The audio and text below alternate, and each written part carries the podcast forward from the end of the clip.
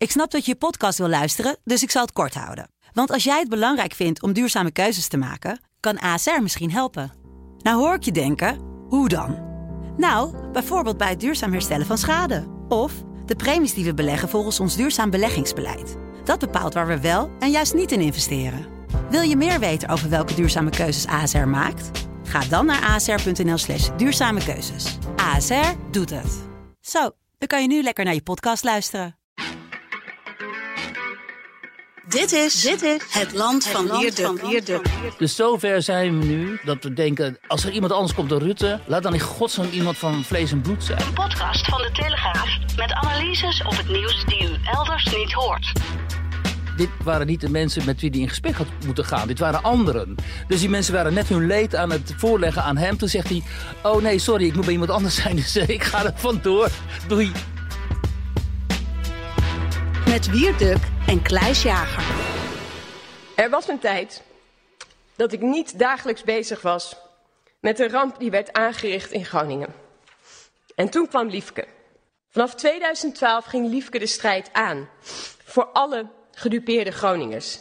Jarenlang voerde ze actie, altijd kop de veur. En op dinsdag 15 december 2020 mailde ze mij.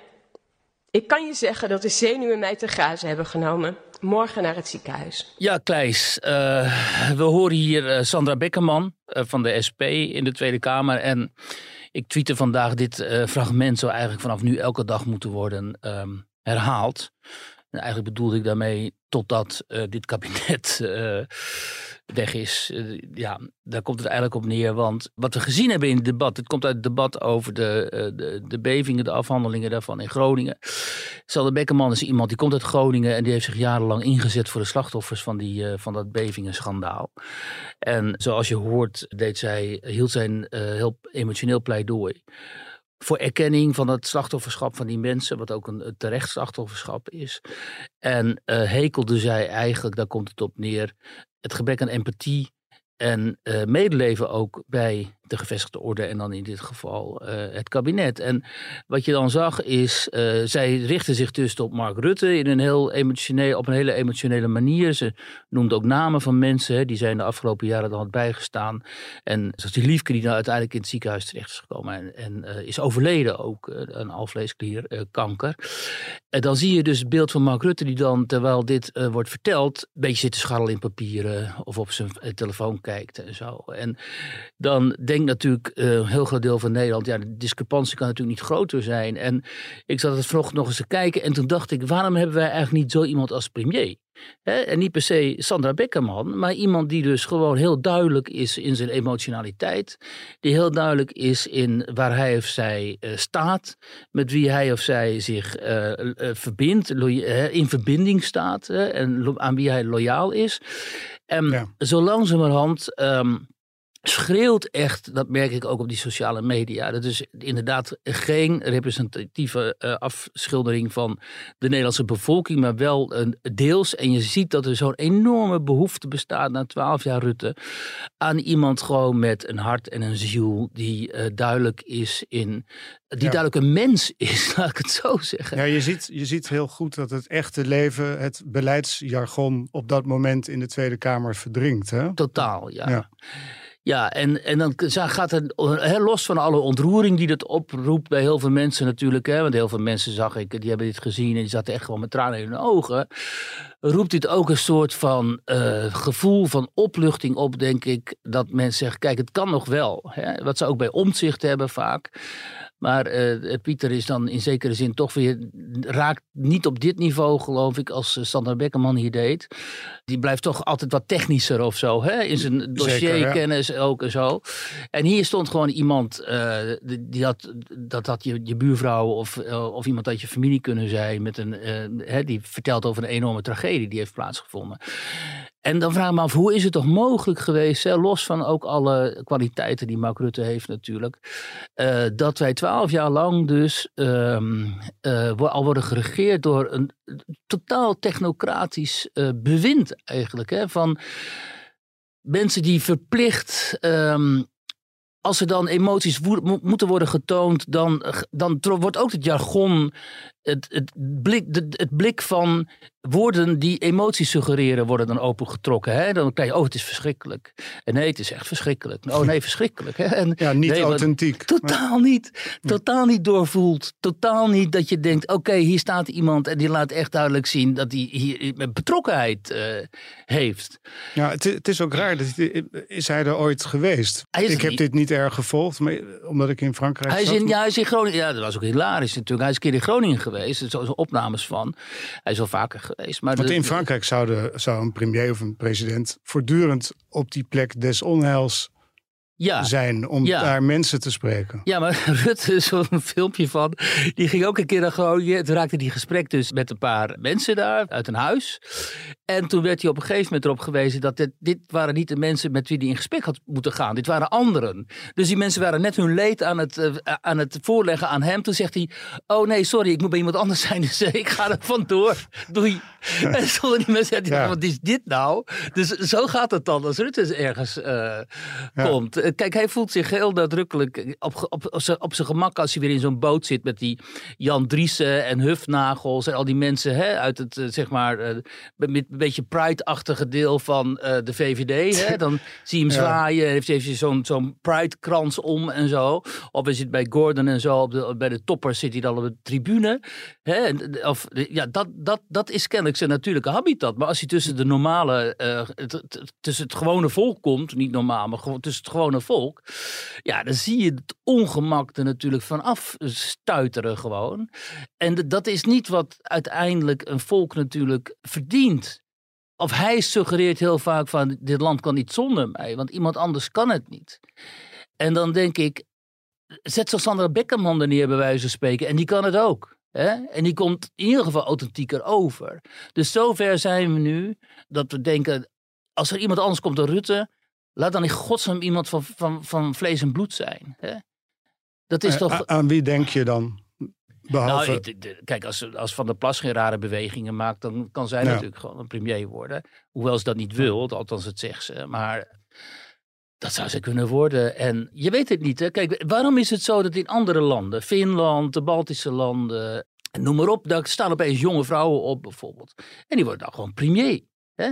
En dat kan daar. En waarom kan dat bij ons niet? Waarom kan het niet zo zijn dat er iemand opkomt en dat, dat die dan gewoon doorbreekt en op die positie terechtkomt? Waarom is, in Nederland, waarom is Nederland zo vreselijk conservatief dat we altijd denken: nee, maar er moet wel iemand zijn hè, met de statuur van Rutte of Sigrid Kaag, die dan een statuur werd toegedicht en zo, die ze helemaal niet bleek te hebben. Hè, dus uh, moet al in meerdere kabinetten hebben gezeten. Of er moet iemand vanuit, als Edith Schippers. Kijk, je ziet dat dus ook enorm falen. Want de VVD dacht toen ze Edith Schippers uit de kast trokken voor de Eerste Kamerverkiezingen. Nu gaan we Edith Schippers even positioneren als de opvolger van Rutte. Maar niemand vraagt erom. En het werd dus ook een, een fiasco, want Nederland is nu zover dat niemand nog meer gelooft in die trucjes van, oh ja, weet je wel, dan gaan ze ons dat, dat scenario voorschotelen. Maar mensen willen dat niet meer. Die zijn toen massaal op Caroline van der Plas gaan stemmen. Ja. Nou, uh, laat zij maar doen. Ze heeft in ieder geval meer uh, het, teken van... Ze vertoont in ieder geval meer tekenen ervan dat ze een normaal mens is. Ja, ja dit was de dus introductie, dus dit was de introductie van, de, van de podcast van deze week. Ja, we, we, we, we modderen voort met Rutte, want hij is niet weg te krijgen. En we modderen voort met de, de asielopvang. Ja, ook dat, ja. in, in, in Bloemendaal en Aardenhout willen ze er helemaal niks van weten. Nee, en dat hebben, we, dat hebben wij als Telegraaf deze week ervaren. Want onze verslaggevers die waren daar en die kregen met het volgende te maken. dan ga ik je aanklagen. Ik heb niks gedaan. Je haalt die foto eraf ik heb is het klaar. Ik heb hier helemaal niks mee te maken. Zeg tegen hem, als jij niet... Je gaat die camera... Wat ga je nou doen? Die camera gaat uit. Wat ga je nou doen? Die camera gaat uit. Dit gaan we niet doen. Die camera gaat uit. Ik heb hier helemaal niks mee te maken. Die camera gaat uit. Ja, dat was een vrij staaltje van hoe je niet met de pers moet omgaan op een openbare bijeenkomst. Dit was dus een raadsvergadering of een bijeenkomst met burgers over de komst van asielzoekers. Ja, schokkend, hè? Uh, Villa dorp dat de lasten niet wil delen, terwijl dorpen in, in Friesland of dorpen als Burgum, Achlum hebben grote asielzoekerscentra. Het dorpshuis zit vol met Oekraïners. Ja. En daar eh, in zo'n Tesla-dorp willen ze het niet. Nou ja, dit is dus heel ironisch, omdat ik was dus vorige week, eh, heb ik een tijdje rondgereden daar in, die, in dat gebied daar, waar we het nu over hebben. En toen viel mij al op, dat zei ik vorige week volgens mij ook in de podcast, dat het daar zo enorm aangehaakt is, schitterend. Uh, je ziet daar in de infrastructuur en elders ook totaal niets van, zeg maar, het enige, enige sporen van verval die je elders in Nederland wel ziet. Dus die burgerij, die heeft daar via de politiek enorm goed voor zichzelf weten te zorgen. Dat is gewoon echt pico Picobello daar, zoals het heet. En als je dan door Groningen rijdt bijvoorbeeld, hè, het gebied waar we het net over hadden. Ja. Wat zie je daar dan? Dus dan zie je dus allerlei gestutte huizen die uh, omvervallen ongeveer van, vanwege de aardbevingsschade. En je ziet overal, tot in de kleinste dorpjes, ofwel uh, voormalige publieke gebouwen die zijn volgestopt met Oekraïners.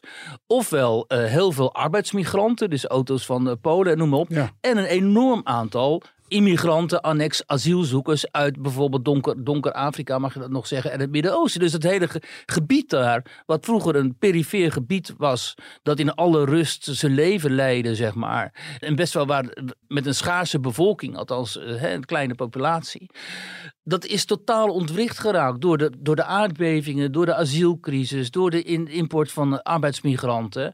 Um, en dan hebben ze zich nog heel fatsoenlijk opgesteld, ook in Ter Apel. Het, als je dan die filmpjes ziet van mensen uit Ter Apel, waar die dan worden geïnterviewd, dan zeggen ze altijd: ja, maar er moet wel plek zijn voor echte vluchtelingen. Hè?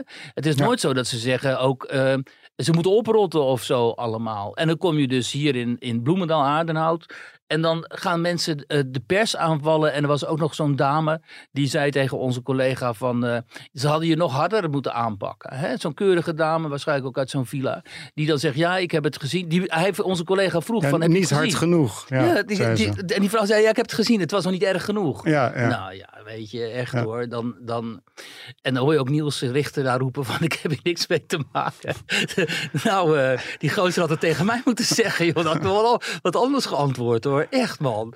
Ik, Dat was echt uh, niet goed, uh, helemaal goed uit de bus gekomen. We, laten we dat maar niet zeggen. Maar dat moet je bij mij echt niet doen, zoiets. Maar ja, het tekent natuurlijk de onwil bij deze mensen um, om, of de wil bij deze mensen vaak, hè, omdat ze steunen natuurlijk vaak toch VVD, D66. Ja, het is een dorp vol met coalitiestemmers. Ja, het zijn precies, een dorp vol met heus niet proteststemmers, maar met ja. coalitiestemmers. Dus ze, ze, ze, ondersteunen in principe het beleid van dit kabinet. Nou, dat is een soort open deurbeleid, hè, zoals we weten. Want ja. Van den Burger die doet gewoon niks, eigenlijk komt het op neer. En dan komen die mensen in hun uh, backyard en dan zeggen ze ja, nee, maar tot hier en niet verder. Dat willen we niet hebben. En als de pers komt, dan gaan we gewoon een grote bek tegen de pers opzetten. Ja, weet je, echt, um, dit was wel een heel navrant voorbeeld van uh, met twee maten meten. En, um, en, en MBI ja, not, mentaliteit, hè? Ja. ja. Not in my backyard. Die Y, is dat een, dan een Y? Of, dan, een, een Y. Ja? ja? ik weet het niet hoor, maar goed. Right, maar goed. Um, dat was weer even de, de, uh, de, de wc-eend uh, wc item uh, in deze podcast. um, maar schijnend is, blijft er natuurlijk wel, ja. Ja, we, we gaan naar Rotterdam. Naar het beeld van de zwarte vrouw in joggingbroek. Dat de gemeente daar heeft gepresenteerd als een, als een statement. Rotterdam, zo luidde dat statement, wil de machtsstructuren ontmantelen die de traditionele beeldhoudkunst in stand houdt. Ja, er is een beeld geplaatst van vier meter hoog hè, van een eh, jonge zwarte dame in een trainings- of in een joggingbroek met de handen in haar zakken. En dat moet dan iets uh, betekenen. Ja, ja de, de, de, kunstenaar zelf die zegt uh, dat het is bedoeld om uit te dagen te onderzoeken en te bevragen. Maar het komt er uiteindelijk wel op neer dat we het wel, we mogen van alles. Maar we moeten het goed vinden. Ja, dat is zo grappig, want Razan Hetsberger, die is een columnist voor NSC Handelsblad, of NSC heet het geloof ik tegenwoordig, en die, uh, die komt uit Rotterdam, althans uh, uh, ja, die komt meen ik uit Rotterdam. En haar man, waar meer van dit soort beelden staan. Waar, nou ja, precies. Heb je ook die kapoute buttplug hè, en dat soort beelden. Maar goed, het is, dit is een beter beeld, moet ik zeggen. Ja. En zij wierp in een column in NRC de vraag op van... ja, wat moeten we hier nou mee? En waarom worden we uh, met dit soort middelmaat, middelmaat eigenlijk geconfronteerd? Want in haar ogen zegt dit beeld dus helemaal niks. Behalve dan dat in die hele diversiteitscultus die we op het moment doormaken. ook een heel gewoon iemand die nog niks gepresteerd heeft. en die met zijn handen in de zak een beetje over het stationsplein uitstaart. Uh, heel uh, bijzonder wordt gemaakt. alleen maar op basis van uh, externe factoren zoals de huidskleur. Of in dit geval misschien ook het vrouw zijn. En zij zegt: wat is het voor een. want zij is een meritocraat, zeg maar. Zij vindt dat mensen hun plek in de samenleving moeten verdienen. En uh, in ieder geval wanneer zij dan geëerd worden met iets zoals een beeld, dat ze dan wel een, een, een zekere prestatie van formaat moeten hebben ge, uh, uh, op een konto moeten hebben staan. En niet zomaar omdat ze zwart zijn of omdat ze vrouw zijn, um, een, een beeld um, ja. verdienen. Nou, dan kreeg ze de hele meute natuurlijk over zich heen. Maar wat jij zegt, de uh, kunstenaar kan wel hebben opgeroepen tot debat hierover. Maar zodra het debat dan wordt gevoerd, dan uh, word je gekielhaald. En dat heeft Rosanne Hesberger dus ook meegemaakt. Het ironische bij hier is natuurlijk dat zij ooit degene was die op een grap van Bart Nijman, nou, een beetje, een beetje nog, of een beetje een nogal heftige seksistische grap van Bart Nijman, die toen vroeg met foto van een columniste erbij, zou u haar doen op de geen stijl manier? En dat was weer een reactie op een hele nare column van die columnisten. En toen is Rosanne Hesberger een cancel-actie uh, uh, begonnen tegen Geen Stijl. Waar Geen Stijl ontzettend last van heeft gehad. En nu wordt ze dus zelf gecanceld. Dus het is altijd zo, de revolutie eet altijd haar eigen mensen op, zoals we weten. En nu wordt zij opgegeten. Alleen in deze uh, kwestie sta ik natuurlijk aan haar kant. Omdat ik ben voor het open debat. Ik was toen ook heel erg tegen die cancel-actie van haar tegenover Geen Stijl. Ja, Geen Stijl staat ook aan haar kant trouwens. Geen Stijl staat wat dat betreft ook aan haar kant. Dat heeft Nijman ook al uh, laten weten. Maar hier spelen twee dingen. Dan, want kijk, zij veroordeelt dus ook dat beeld. Alleen, ik vind dat beeld best mooi eigenlijk. En ik vind het best een geslaagd beeld. Maar goed, dat komt misschien ook. Ik, ben, uh, ik heb ook kunstgeschiedenis gestudeerd naast geschiedenis. En ik heb me jarenlang, als, ik, toen begon als journalist, bezig gehouden met beeldend kunst en muziek. Dus ik kijk misschien ook een beetje met een ander oog naar het beeld. Uh, het is ook niet, daar wees die Stella Bergsma mij ook op. Het is ook niet een standbeeld, maar een beeld. En dat is ook dat wel een goed onderscheid. Het is niet een ja. standbeeld van iemand. Het is, een, het is een beeld. En dat moet je zien als, kijk bijvoorbeeld uh, Kazimir Malevich, die Russische kunstenaar. Die heeft ooit dat zwarte vierkant geschilderd. En daarvan zeggen mensen ook van, ja, wat is toch een waardeloos schilderij. Maar dat komt, het is geen schilderij, het is een statement. Hè? Ja. Het statement van, dit, hier eindigt de schilderkunst. En nu gaan we over naar een ander type kijken naar de werkelijkheid.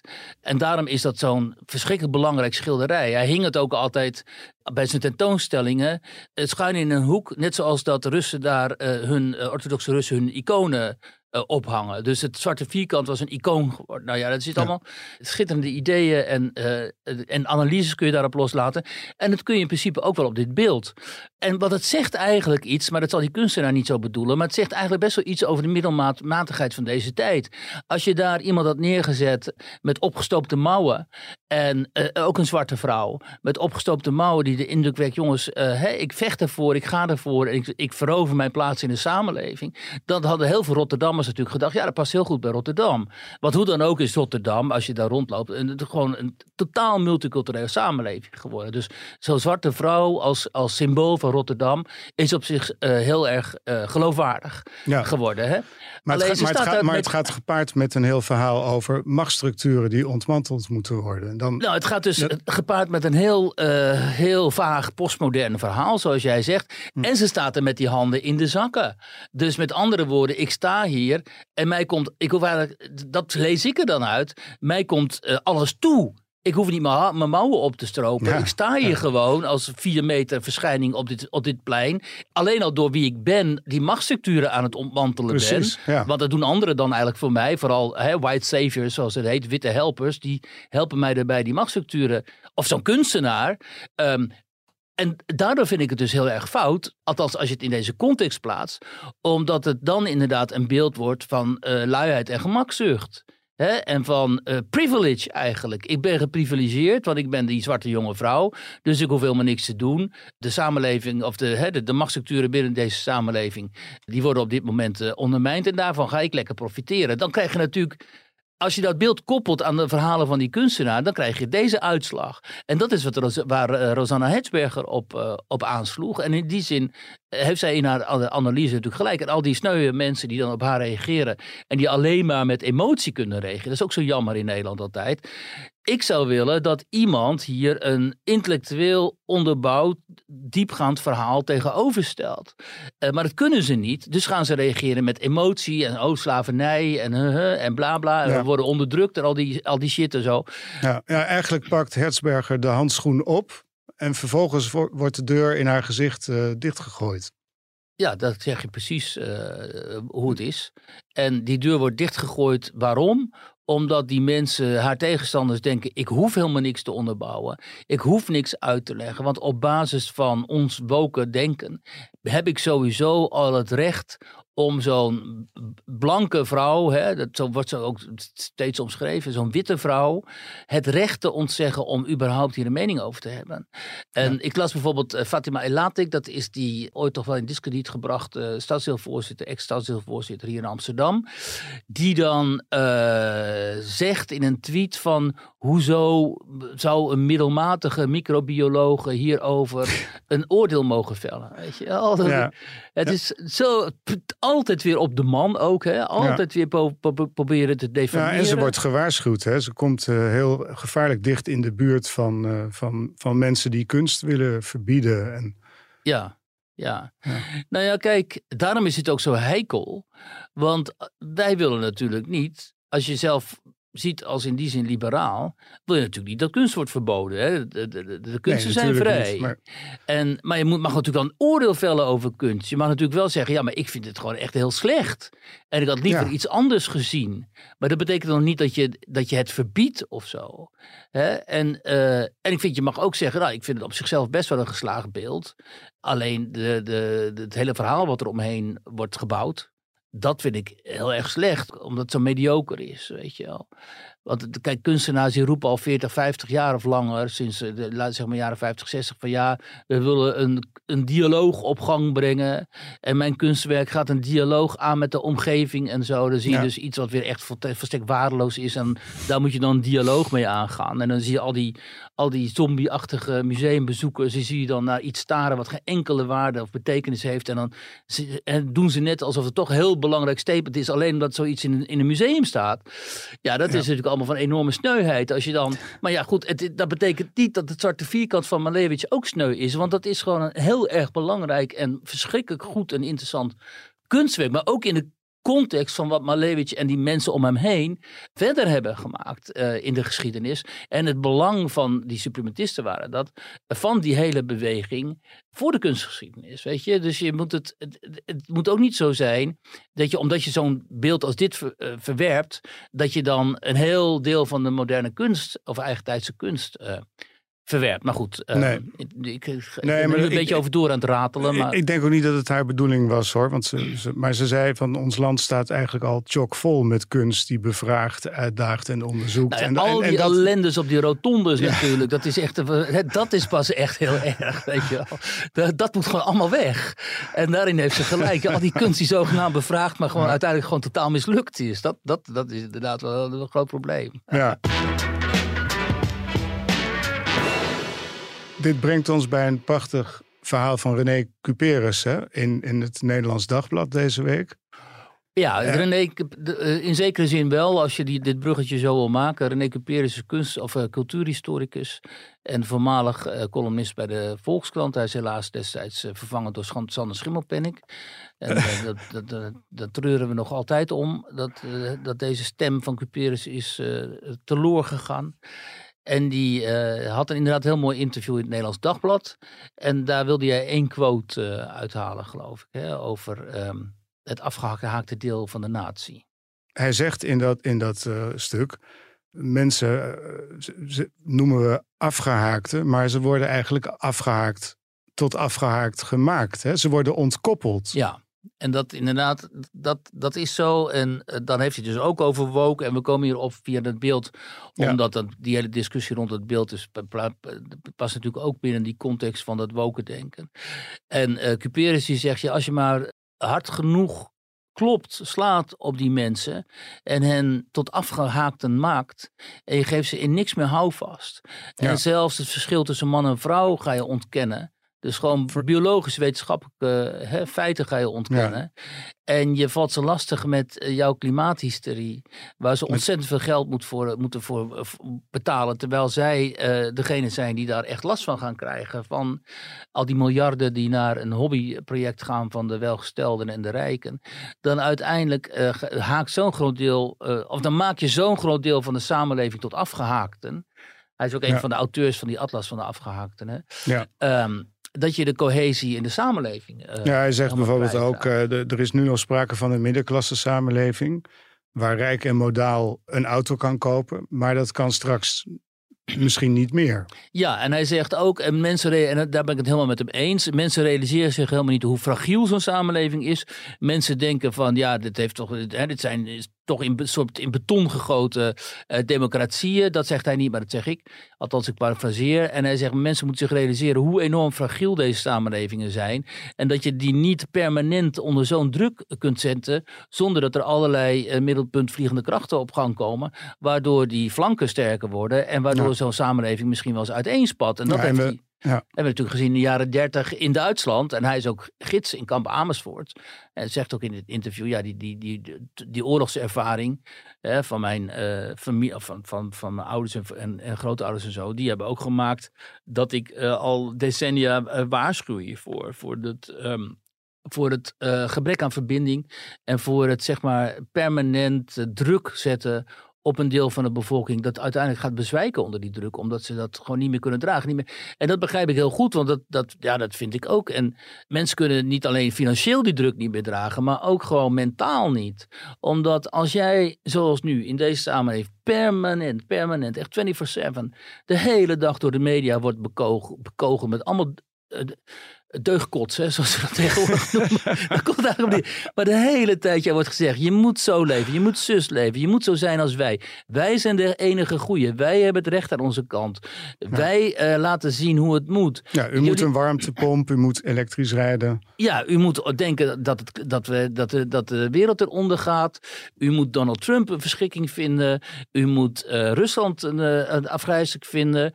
Nou ja, je, je moet voor alles en nog wat. En die mensen die hebben kunnen onbelemmerd gewoon hun gang gaan.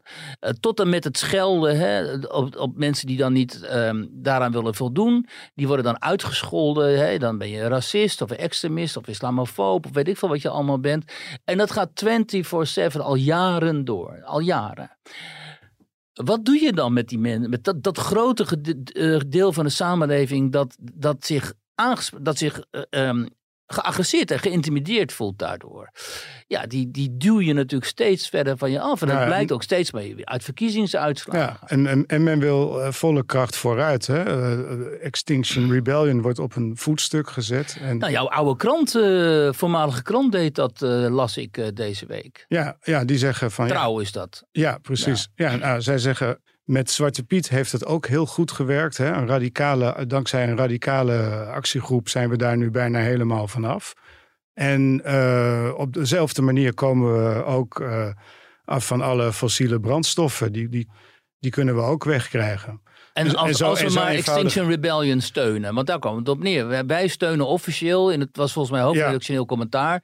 Wij be maken bekend nu ja. dat we officieel Extinction Rebellion steunen. Ja, dat is nogal wat. Hè? Ja, dat lijkt mij wel. Ja, dan steunen dus want, een hele radicale actiegroep. Ja, want uh, wat wil Extinction Rebellion? Die willen binnen in 2025, over een paar jaar, willen ze eigenlijk naar netto nul uitstoot, zoals dat heet. Nou, dat betekent dat er geen benzineauto meer kan rijden, dat alle huizen van het gas zijn. Ga, ga zo maar door. Dat is vol, vol, volslagen irrealistisch. Ja, neus natuurlijk voor de samenleving. Ja, en je kan natuurlijk zeggen van ja, maar het is, um, het is een actiegroep. Dat moet je niet serieus nemen wat ze voorstellen. um, maar goed, uh, dat argument, dat, dat, dat, dat, naar mijn idee was dat, had dat 15 jaar geleden nog wel op kunnen gaan toen er nog mensen bewust gemaakt moesten worden van, van de, de, de opwarming. Maar nu lijkt me dat uh, behoorlijk overbodig. Hè? Je, hoort eigenlijk nooit Nou ja, deze mensen leven sowieso in een parallel universum. Want ze zeggen dan de politiek doet veel te weinig tegen klimaatverandering. Terwijl we gooien er gewoon tientallen, zo niet honderden miljarden naartoe. Ja, het gaat eerder te snel dan, dan, dan te langzaam. Ja, dus dat is sowieso bizar dat mensen nog steeds vinden dat, dat dan, hè, dat Carice van Houtsen en zo, van, van Houten, die dan roepen van er moet veel meer gebeuren en daarom ga ik mij ook Ja. eh, hieraan eh, committeren, omdat ik vind dat de politiek te weinig doet voor het klimaat. Ja, dat is niet zo. Dat er gebeurt ontzettend veel. En eh, er zijn zelfs maatregelen die misschien wel ondoordacht zijn en onvoorziene gevolgen hebben. Als je bijvoorbeeld iedereen zo snel mogelijk elektrisch wil laten rijden, dan wil dat niet zeggen dat dat goed is voor het klimaat. Eh, het hangt er allemaal maar vanaf met welke stroom we, we dat gaan doen. Hè? Is, die, is die elektriciteit groen of niet? Of, ja, natuurlijk. of een beetje. Zo snel gaat het niet. En, en er er zijn fysieke grenzen. En men doet alsof er een mentale grens doorbroken moet Nou worden. ja, het beste voorbeeld is natuurlijk dat al die, eh, die schaarse eh, materialen, die eh, Ja. grondstoffen, voor die, vooral voor die elektrische auto-industrie, Ja. die moeten komen uit A-gebieden waar dus ook, zoals in de Donbass bijvoorbeeld, gewoon oorlog heerst, of waar om gevochten gaat worden. En die worden vervolgens allemaal geraffineerd in China. Dus we, maken precies. ons, we waren eerst afhankelijk van Rusland en nu zijn we allemaal afhankelijk van China. Dus die lachen zich helemaal dood, de Chinezen. Want die hebben in de afgelopen jaren, decennia, heel Afrika zo ongeveer eh, gekoloniseerd om eh, dat soort grondstoffen Ja. naar zich toe te trekken. hoe, hoe sneller wij gaan, hoe meer wij ons uitleveren aan China. Ja, En precies. Dat is echt onverstandig. Ja, ja, maar ja, goed. Nou, wel goed dat we dat weer even gezegd hebben. Ja. Ja. De dam in Oekraïne. Wat, dat is een heel ander onderwerp, maar ik ben erg benieuwd naar wat hierachter zit volgens jou. Want je zou zeggen dat levert de Russen militair voordeel op, maar ze hebben er ook zichzelf mee. Nou ja, dat is dus heel interessant, omdat net als bij Nord Stream was al vanaf de eerste seconde dat dit nieuws bekend werd, eh, werd er gezegd, oh de Russen hebben die dam opgeblazen. Alleen dat weten we helemaal niet. En het is ook wel, wel zo dat je ziet dat dan de Amerikanen toch iets voorzichtiger zijn. Want ik meen, het Pentagon of het Witte Huis zei eh, nog gisteren van... luister eens, die dam, wie daar precies eh, schuld aan heeft... eh, dat, dat zijn we aan het onderzoeken, maar wij weten het ook niet. En het gekke aan die dam is, net als met Nord Stream... dat eh, de Russen helemaal geen voordeel hebben van eh, het onder water zetten... van deze delen van Oekraïne. Omdat het uiteindelijk ook de Krim gaat treffen. Nou, de Krim is Russisch grondgebied en de Russen willen dat niet kwijt. En strategisch lijden zij er eerder onder dan de Oekraïners. En net zoals bij Nord Stream was het natuurlijk heel opmerkelijk dat eh, de Russen infrastructuur zouden vernietigen die eigenlijk gewoon in hun voordeel was. Eh, en het had helemaal geen zin voor hen om Nord Stream eh, stil te leggen. En uiteindelijk, nu is ook wel duidelijk dat het niet de Russen het zijn geweest, maar waarschijnlijk de, hè, de Oekraïners. Aanvankelijk dachten we, het zijn Amerikanen, met, met name dat Ja. die, eh, die Radek Sikorski, die Poolse voormalige minister van Buitenlandse Zaken, die begon onmiddellijk de, de Amerikanen te feliciteren. Thank you America en zo. Bovendien hadden Biden en ook die Victoria Nuland hadden al veel eerder gezegd van eh, als Nord Stream doorgaat, gaan wij ervoor zorgen dat dat eh, gesaboteerd gaat worden. Want wij accepteren Nord Stream niet. Hè. Nord Stream is die, die, die, die Ja, ja, pijpleiding vanuit Rusland naar Europa. Hè. Vooral een heel groot Duits project, maar GasUnie zit daar ook in. Ja, Dus het lag helemaal niet voor de hand, ook gezien ook de, de, de, de opmerkingen vanuit de Verenigde Staten dat de Russen Nord zouden hebben ehm, opgeblazen. En nu wordt ook wel steeds meer, komt er informatie naar boven, ook zelfs in Amerikaanse kranten, nadat Seymour Hersh, die onderzoeksjournalist, daarmee begon, die werd toen nog helemaal zwart gemaakt en gedemoniseerd vanwege het feit dat hij zei het zijn Amerikanen geweest. Maar nu dus hoor je, zie je toch veel meer, steeds meer berichten erover dat het waarschijnlijk de Oe- Oekraïners eh, of, hè, nou ja, of Oekraïnse samenwerking met westerse mogelijkheden dan zijn geweest. En het is natuurlijk moeilijk voorstelbaar dat de Oekraïners die dam zouden hebben opgeblazen om, omdat ze daarmee zo'n groot deel van het eigen land eh, in misère storten. En dat heeft ook zoveel slachtoffers uiteindelijk tot gevolg. Maar het kan ook zijn dat vanwege slecht onderhoud die dam is gebroken natuurlijk. Het hoeft niet, kijk, ik heb natuurlijk lang in Rusland gewoond. En een, een legendarische uitspraak van de toenmalige premier, eh, premier eh, Chernomyrdin. Dat was, uh, Politielskak da. En dat betekent, we wilden het beter doen, maar de uitkomst was zoals altijd. En daarmee bedoelde hij, we wilden echt, we deden echt ons best om het beter te doen, maar de uitkomst was waardeloos. En dat is typisch Russisch, omdat in Rusland gaat zoveel fout en zoveel onbedoeld fout. Gewoon puur vanwege wanbeleid, dronkenschap. Heel veel mensen realiseren zich dat niet. Gewoon dronkenschap. ik las laatst dat uh, Russische kinderen uh, naar school gaan met een uh, slokje wodka op als het koud is. Oh, ja, om, om warm te worden. Ja, dat, dat, kijk, dat soort dingen is gewoon deel van het normale uh, dagelijks menu, zeg maar. Maar er gaan ook gewoon verschrikkelijke dingen fout. Uh, mensen die in grote dronkenschap elkaar vermoorden, bijvoorbeeld. Bij huiselijke ruzies, het aantal vrouwen dat wordt vermoord, is onvoorstelbaar. En het heeft altijd heel, of altijd, heeft in heel veel gevallen te maken met hm. dronkenschap. Troepen die op elkaar schieten, weet je wel. Gewoon friendly fire en zo. Je ziet het ook in. Ik, ik, ik heb het ook aan het begin van die oorlog gezegd. Van, ja, als het weer net zo gaat als destijds in Tsjetsjenië en elders. dan loopt het dus weer uit op totale chaos. Nou, dat hebben we in heel veel uh, gevallen gezien. Dus mij zou het helemaal niets verbazen. als die dam ook vanwege een soort wanbeleid of wanbestuur of wanbeheer. want dat was natuurlijk in handen van de Russen. dat daar iets gebeurd is waardoor die dam is gebroken. En niet per se dat de Russen vanuit een soort duivelsplan hebben besloten, we gaan een enorme oorlogsmisdaad hier plegen. Maar dat neemt niet weg, dat neemt niet weg, hè, dat, ik wil die de Russen helemaal niet vrijpleiten, dat je dan op de Russische tv weer allerlei van die volstekte idioten ziet, die dan wel hoogleraar zijn in een of ander instituut of zo, die zeggen, oh kijk eens die dam, nou dat komt uh, ons toch in zekere zin wel goed uit, weet je wat. Er is ook zo'n dam bij Kiev, laten we die opblazen, dan zetten we heel Kiev onder water. Dus in die zin zijn de Russen gewoon totaal getikt natuurlijk. Althans, dit deel van de Russen. Mhm. En hoeft het ook weer niet te verbazingwekkend te zijn of verbazing te wekken als ze inderdaad dat ding zouden hebben opgeblazen. Maar het punt is, we weten het niet. Dus we moeten ook niet zo snel gaan roepen dat het de Russen zijn. Want zometeen zijn ze het niet. En dan heb je weer eh, jezelf vrij tamelijk belachelijk gemaakt. Het is niet heel erg onlogisch dat ze het wel zouden zijn. Alleen dat moeten we dan wel eerst goed onderzoeken en dan met feitelijke ehm, eh, informatie erover komen. Juist. Juist. Waar was Wiert? Nou, in Zuid-Laren uh, was, was, ik. Ja. ja, en daar is een uh, congrescentrum dat niet meer bestaat, is afgebroken. En daar moet een nieuwe bestemming voor, uh, komen. En daar hebben mensen behoorlijke conflicten over. Ja, eh, in Zuid-Laren, dat is weer zo'n typisch staaltje van lokale interessante politiek. Omdat die Prins Bernhard daar die er ooit stond en die heeft er lang gestaan. Er werden veel congressen, evenementen en zo gehouden. Uh, ook nationaal bekend.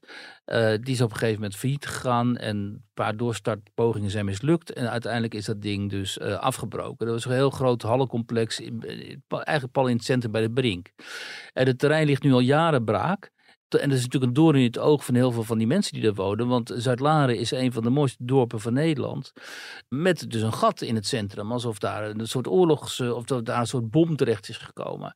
nu zijn er allemaal plannen voor ontwikkeld. En de gemeente komt nu uiteindelijk na al die jaren met het plan om daar twee supermarkten neer te zetten, Albert Heijn en de Jumbo waarschijnlijk. En daar bovenop uh, appartementen te bouwen en dan ook nog een cultuurhuis en een zorgfunctie. En dan daarachter maar het is dan weer een ander project, komt een hele nieuwe woonwijk. Nou, en veel eh, Zuid-Larendenaren, die vinden dat uh, problematisch. Want die zeggen, ja, twee van die supermarkten, er komt allemaal verkeer op af.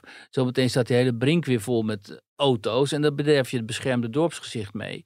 Dus die willen dat niet. Die zeggen, één supermarkt is ook wel genoeg. En nu is één, dus leuke is één grote ondernemer uh, van die rederij Wagenborg. Ja, die heeft een heel plan geschreven. Die heeft een heel plan geschreven, Rob. En het leuke is, kijk, die, die, die familie Wagenborg, die zit gewoon in de quote 500. Dus die, die woont daar ook in een hm. schitterend, schitterend, uh, al kasteelachtige En hij woont ook in Frankrijk? Pand. Ja, hij heeft natuurlijk ook iets te Hij kwam net uit Frankrijk. Hij heeft waarschijnlijk ook een huis in Frankrijk. En um, hij woont daar in een soort parkachtige omgeving. Het oude gemeentehuis, maar dat is een oude havenzaad. Heet dat oude, is gewoon eigenlijk een oud kasteeltje daar.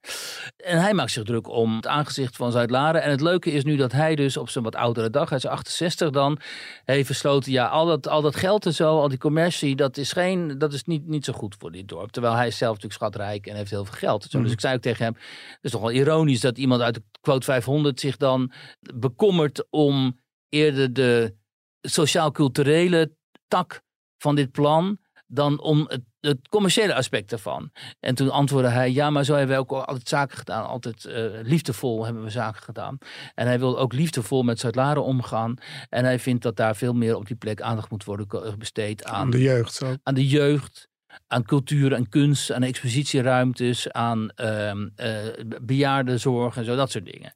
En nou ja, en dat conflicteert natuurlijk met uh, de wethouder. En, en dus in mijn, in dat verhaal, mensen moeten maar lezen, dan kun je die hele context mooi schetsen. Wethouder komt aan het woord. Ik was bij zo'n raadsvergadering, dan kunnen we al die mensen inspreken. zijn ook altijd oudere mensen, nooit jonge mensen natuurlijk, want die zitten thuis met de kids.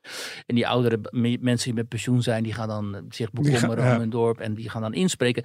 En het mooie is altijd, vind ik, dat je daar wel echt, echt de lokale democratie in actie ziet. Kijk, er zijn twee dingen aan die, lokale, aan, aan, die lokale democratie. Die wordt vaak gecorrumpeerd omdat ons kent ons en bevriende projectontwikkelaars krijgen opdrachten. En dan dat is zo doorzichtig dat je af en toe denkt, hoe is het godsnaam mogelijk? Maar aan de andere kant heb je ook dit, dat gewone burgers tijd krijgen om op, tijdens zo'n raadsvergadering hun hart te luchten. En dan zit er zo'n burgemeester, die had het allemaal een beetje in de gaten en zo. En die wethouders die moeten daar dan op reageren. En dan zie je wel van, ja, dit gaat allemaal keurig volgens de regels van uh, ons democratische stelsel. Heel anders dan in Bloemendaal. Uh, nou, daar hebben ze ongetwijfeld ook ingesproken. Alleen daar gingen ze dus heel agressief onze collega's uh, bejegenen. En dat gebeurde met mij helemaal niet. Ik werd gewoon keurig benaderd daar. En kreeg zelfs een apart zaaltje om nog even te werken en zo. Dus um, dat is allemaal prima. Overigens heb je ook een schitterend uh, raadhuis. Een modern soort, dat staat in Tinalo. Met een prachtige plafondschildering van Marten Reuling. En dat is echt een van, ik vind dat, ja, dat is een heel modern gebouw. Ik vind het een van de mooiste raadhuizen, denk ik, van gemeentehuis van Nederland. Uh, wat de uiteindelijke uitkomst hiervan is, weet ik niet. Want gisteravond kreeg ik nog een app van de woordvoerster daar. Dat uh, uiteindelijk de raad toch wel verdeeld blijkt te zijn over die plannen van de gemeente. En dat het nog over, ze zouden 20 juni gaan uh, besluiten. Maar het wordt toch over die datum heen getild. Omdat er dus nog kennelijk extra vragen leven bij de raad. Dus dit is wel ook mooi dat dat dan uiteindelijk misschien toch bewerkstelligd is door die. Um, insprekers, waarvan één overigens, of van wie overigens één, al 83 is. Hè? Dus die komt dan nog even met mij praten en gaat s'avonds naar de gemeenteraad en zo. En op zijn 83ste. Dat geeft de burger ook weer moed. Nou, wordt vervolgd. Ja, dat denk ik ook. Zijn we er doorheen? Eigenlijk wel, hè? Oh, kijk aan. nee, dan kunnen we nu naar de presentatie van de nieuwe hoofdredactie. Daar worden wij ook verwacht, uh, Kleis. We sluiten af, dames en heren. Dank u wel voor het luisteren. Wij gaan onze nieuwe hoofdredacteuren begroeten. En wij uh, zien en horen u, nee, u, jullie horen ons weer volgende week.